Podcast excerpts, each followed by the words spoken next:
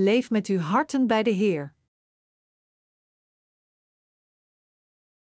Matthäus 6, 21, 23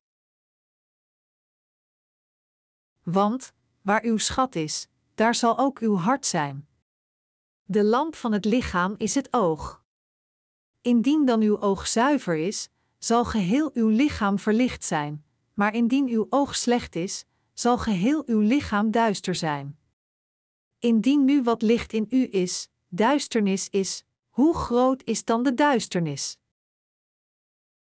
De geschrifte les van vandaag zegt: de lamp van het lichaam is het oog. Indien dan uw oog zuiver is, zal geheel uw lichaam verlicht zijn. Onze harten zijn wispelturig zoals het regenachtige zomerweer. Het verstand van de mens is, eveneens, zoals dit. Echter, de Heer zegt: de lamp van het lichaam is het oog. Wat de Heer met dit bedoelt is dat het hele lichaam vol met licht zal zijn als ons oog goed is, en dat we moeten overdenken hoe we onze concentratie moeten houden in ons verstand dat komt en gaat.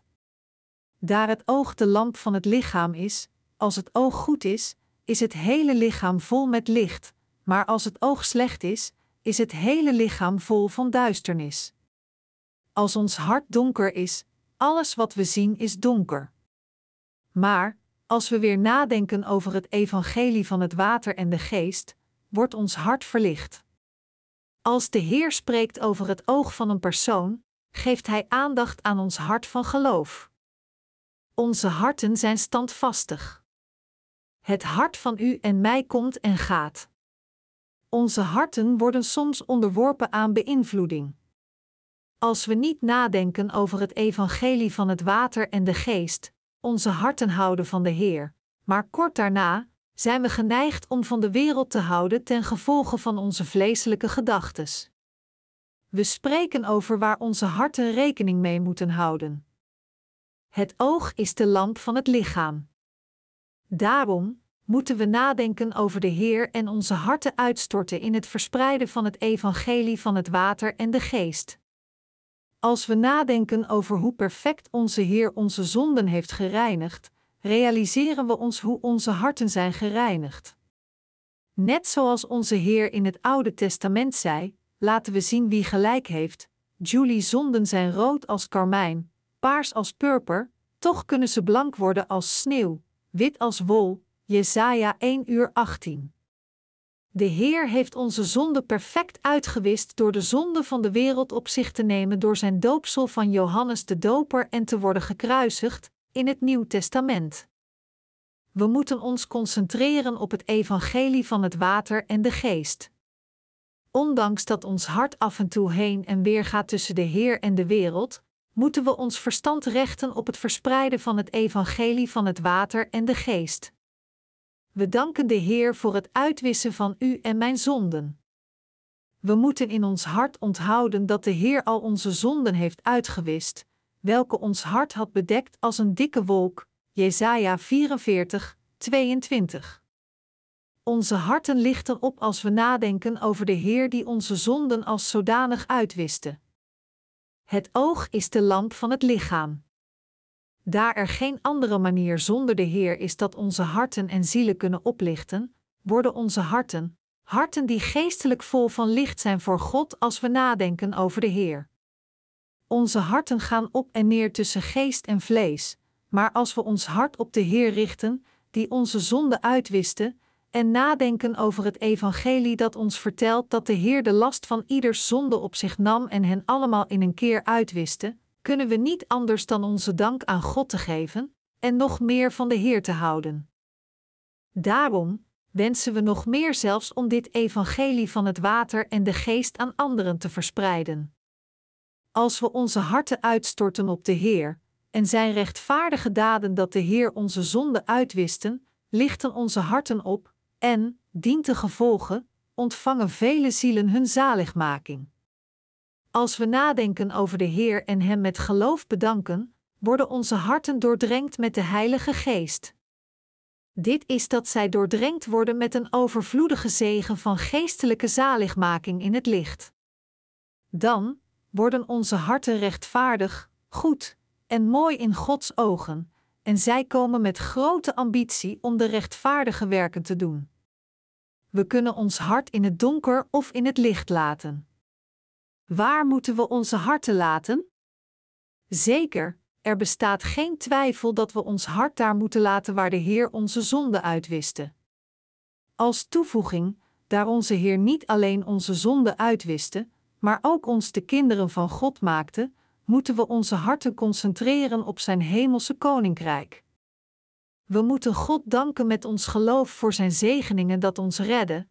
We konden niet anders dan te sterven door onze zonde en de kinderen van de duivel te worden, door Jezus Christus te sturen en Hem te laten dopen, en de zonde van de wereld naar het kruis te dragen, en dood te bloeden werden al onze zonden voor eens en altijd uitgewist.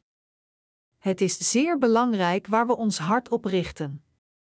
Het is of onze harten zich richten op de zegeningen van zaligmaking die God ons gaf, of op onrechtvaardige vleeselijke gedachten die van de wereld en het vlees komen. Afhankelijk van waar we onze harten op richten, de gevolgen verschillen groots. We kunnen beslissen deze weg of die weg, en ondanks dat we zwaaiende harten hebben, wil ik u vertellen dat we onze harten op de zaligmaking die God ons gegeven heeft moeten richten. We moeten onze harten wijden aan het feit dat God ons zijn koninkrijk van de hemel en de zegeningen van God heeft gegeven. Als we onze harten wijden aan het gebied waar God onze zonden helemaal heeft uitgewist, als een dikke wolk, en het zo wit als sneeuw maken, en naar God bidden, luistert en beantwoordt God uw gebeden. We moeten onze harten aan God en het geestelijke werk wijden met het geloof dat God blij is met ons werk van het verspreiden van het evangelie van het water en de geest. Dan kunnen we ervaren hoe onze harten oplichten en hoe goed het werk van God vordert. We kunnen de mensen van Zijn zegening worden door te worden gebruikt voor het vreugdevolle en gezegende werk van God. Beste broeders en zusters, als we onze harten wijden aan het verspreiden van het evangelie van het water en de geest, zijn onze harten blij. Als we in deze wereld leven, raken we soms ontmoedigd en vervallen soms in onze vleeselijke lusten. Er is geen rechtvaardig persoon die nooit valt. Echter, ondanks dat we zulke wezens zijn, wat belangrijk is, is waar we onze verontrustende harten op richten. Waar richt ieder van ons onze harten op? Als, bij toeval, u het in het donker heeft, hoop ik dat u het in het licht brengt. We proberen om het evangelie aan de rest aan de wereld te verspreiden. Hoe zouden we? Ik ben ongerust, net zoals de Israëlieten zich voelden toen zij de onneembare muur van Jericho aanschouwden toen zij voor het eerst het land van Canaan binnengingen. Het eerste obstakel voor de Israëlieten was de muur van Jericho. De muur van Jericho was zeer stevig en veilig. Hij kon niet ten val worden gebracht met speren en zwaarden. Doordat hij was gebouwd met erg grote stenen, kon hij niet gemakkelijk instorten. Mensen van Jericho stonden bovenop het fort, dus ondanks al de pogingen van de Israëlieten om de muur te laten instorten, konden zij toekijken en de Israëlieten vanaf de top bespotten. Toen zij wielen aan grote boomstammen maakten, probeerden de soldaten door te duwen de grote poort te breken en te vernietigen, maar dat was niet mogelijk daar het fort te veilig was. Echter, de stad werd vernietigd toen de Israëlieten geloof in God hadden en zijn woord van belofte geheel gehoorzaamden. Wij zijn in nood van hetzelfde geloof. In onze tijdperiode, als we onze harten niet op God richten, kunnen we niet onze missie van het verspreiden van het evangelie van het water en de geest volbrengen. Echter, als we onze harten op God richten, weet ik dat het mogelijk is om het evangelie van het water en de geest aan de rest van de wereld te verspreiden. Als we niet het geloof in het evangelie van het water en de geest hebben, kunnen we niet het evangelie verspreiden, en, dientengevolge zal deze wereld koers zetten naar de vernietiging. Tot nu toe, toen we probeerden om het evangelie van het water en de geest aan de rest van de wereld te verspreiden, waren er vele moeilijkheden. We beslisten om onze missieboeken, die over het evangelie van het water en de geest gaan, uit te geven in vele verschillende talen en hen aan iedereen in de wereld te sturen. Daarom zijn de boeken over het Evangelie vertaald in vele verschillende talen van de wereld. Door te publiceren en hen te verspreiden, zijn we in staat geweest om het ware Evangelie over de hele wereld te verspreiden. Nu, als we nadenken over het verspreiden van het Evangelie van het water en de geest aan de rest van de wereld, en onze harten aan het wijden, zullen onze harten worden verlicht. U en ik zijn nog steeds in het vlees, dus als we onze harten aan de Heer wijden, zijn onze harten blij en worden zij geschikt om te werken voor het evangelie van God. Aan de andere kant, als we niet onze harten wijden aan het verspreiden van het evangelie, maar aan de wereldlijke dingen, worden onze harten oneindig vuil. Hoewel onze harten heen en weer gaan tussen vlees en geest, is het belangrijk om onze harten te fixeren op het evangelie van het water en de geest. Zoals er staat geschreven: Want waar uw schat zich bevindt, daar zal uw hart ook zijn. Afhankelijk waar we onze harten op richten, kunnen we mensen worden van het licht voor God of we kunnen nutteloze mensen worden.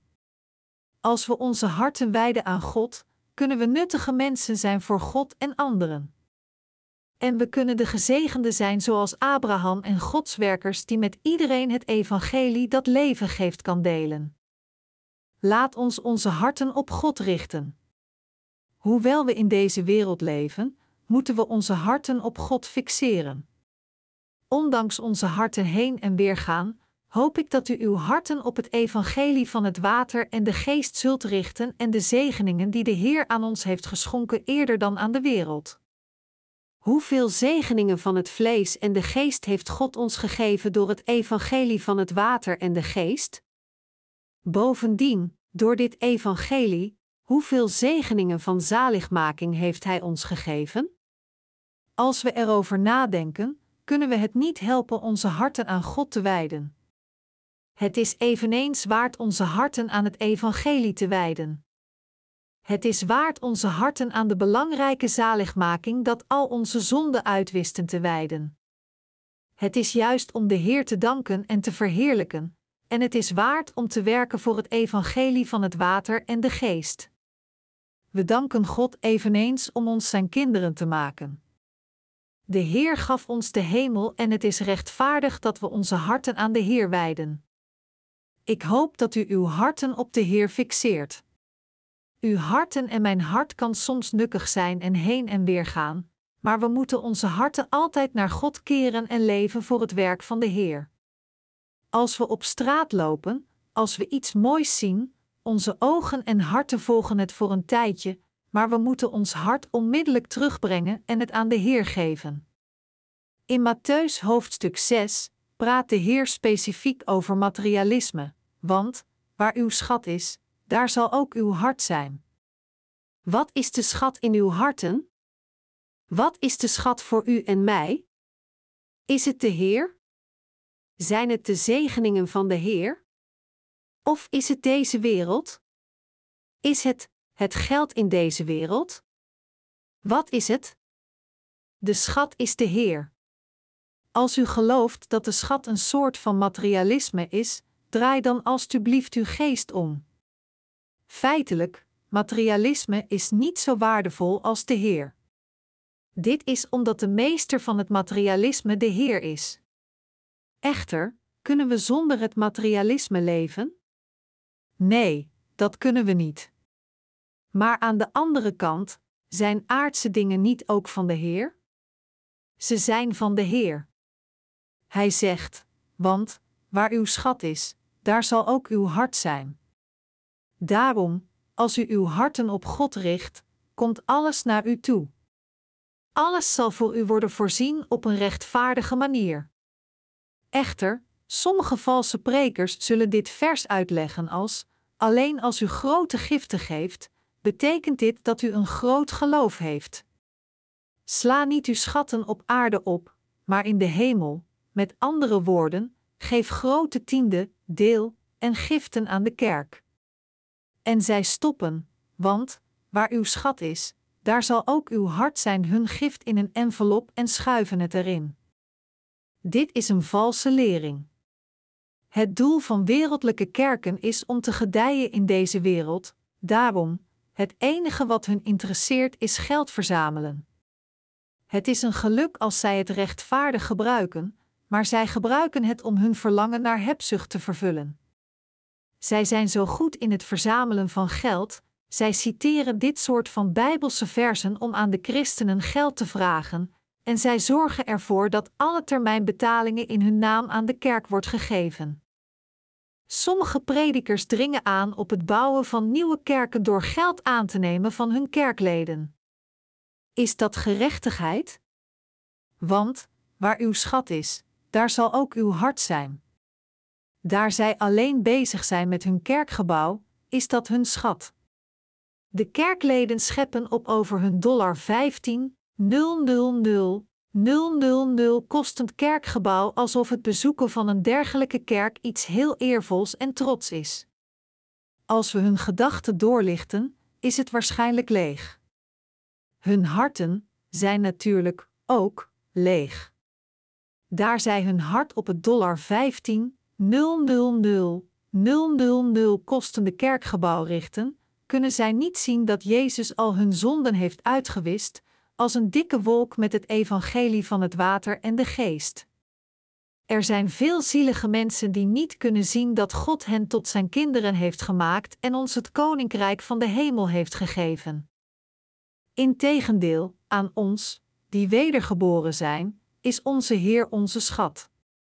Al de zegeningen van genade die de Heer ons geschonken heeft, zoals zijn zaligmaking, ons Gods kinderen makend, ons het koninkrijk van de hemel gevend, het uitwissen van onze zonden en ons te rechtvaardigen makend, zijn onze schatten. Er is niets meer waardevol dan dit. Zoals de lofzang zingt: Ik heb liever Jezus dan zilver of goud. Er is geen eer in deze wereld die meer waardevol is dan het hebben van de Heer Jezus. Er is niets meer waardevol dan de zaligmaking die de Heer ons gegeven heeft. Daarom moeten u en ik het evangelie van het water en de geest aan de harten van de mensen verspreiden. We moeten onze harten die op en neer gaan vasthouden en het geven om te werken voor de Heer. Als we de Heer onze harten geven, doen we geen nutteloos werk, maar zullen in staat zijn om naar het koninkrijk van de Heer te gaan. Soms doen we nutteloze dingen, maar als we meer zinvol werk doen, dan zullen we worden geprezen door God en gerespecteerd door mensen. Matthäus hoofdstuk 6 spreekt zeer diep over dit onderwerp. Richt eerst uw aandacht op zijn koninkrijk en op het doen van zijn wil, dan zult u ook al dat andere krijgen. Maak u dus geen zorgen over de dag van morgen. Morgen ziet u wel weer, u hebt al genoeg aan de zorgen van vandaag. U en ik moeten onze harten richten op Hem en op Zijn werk. We moeten eerst Zijn koninkrijk en Zijn rechtvaardigheid zoeken. Hoe heeft God ons gered? Hij heeft onze zonden zo wit als sneeuw uitgewist door het water, het bloed en de Heilige Geest. Hij heeft al onze zonden uitgewist, als een dikke wolk, zo wit als sneeuw. We moeten God bedanken en de Heer die onze perfecte Verlosser is. En we moeten als eerste Zijn koninkrijk in onze harten zoeken. Het is de wil van God dat het evangelie van het water en de geest over de hele wereld wordt verspreid, zodat degenen die erin geloven, erin geloven, en degenen die dat niet doen, het niet doen. We moeten gelijke kansen van het horen van het evangelie geven aan iedereen om de wil van God te vervullen. We moeten dergelijk werk doen. Tussen twee haakjes, de ware schat voor u en mij is de Heer. Richt uw hart op de Heer. Hoewel we mensen zijn die veel tekortkomingen hebben, laat ons onze harten op de Heer fixeren. Laat ons onze harten op de Heer richten en het evangelie van het water en de geest zo vaak mogelijk verspreiden. Halleluja! We danken God om ons te helpen onze harten op de Heer te richten.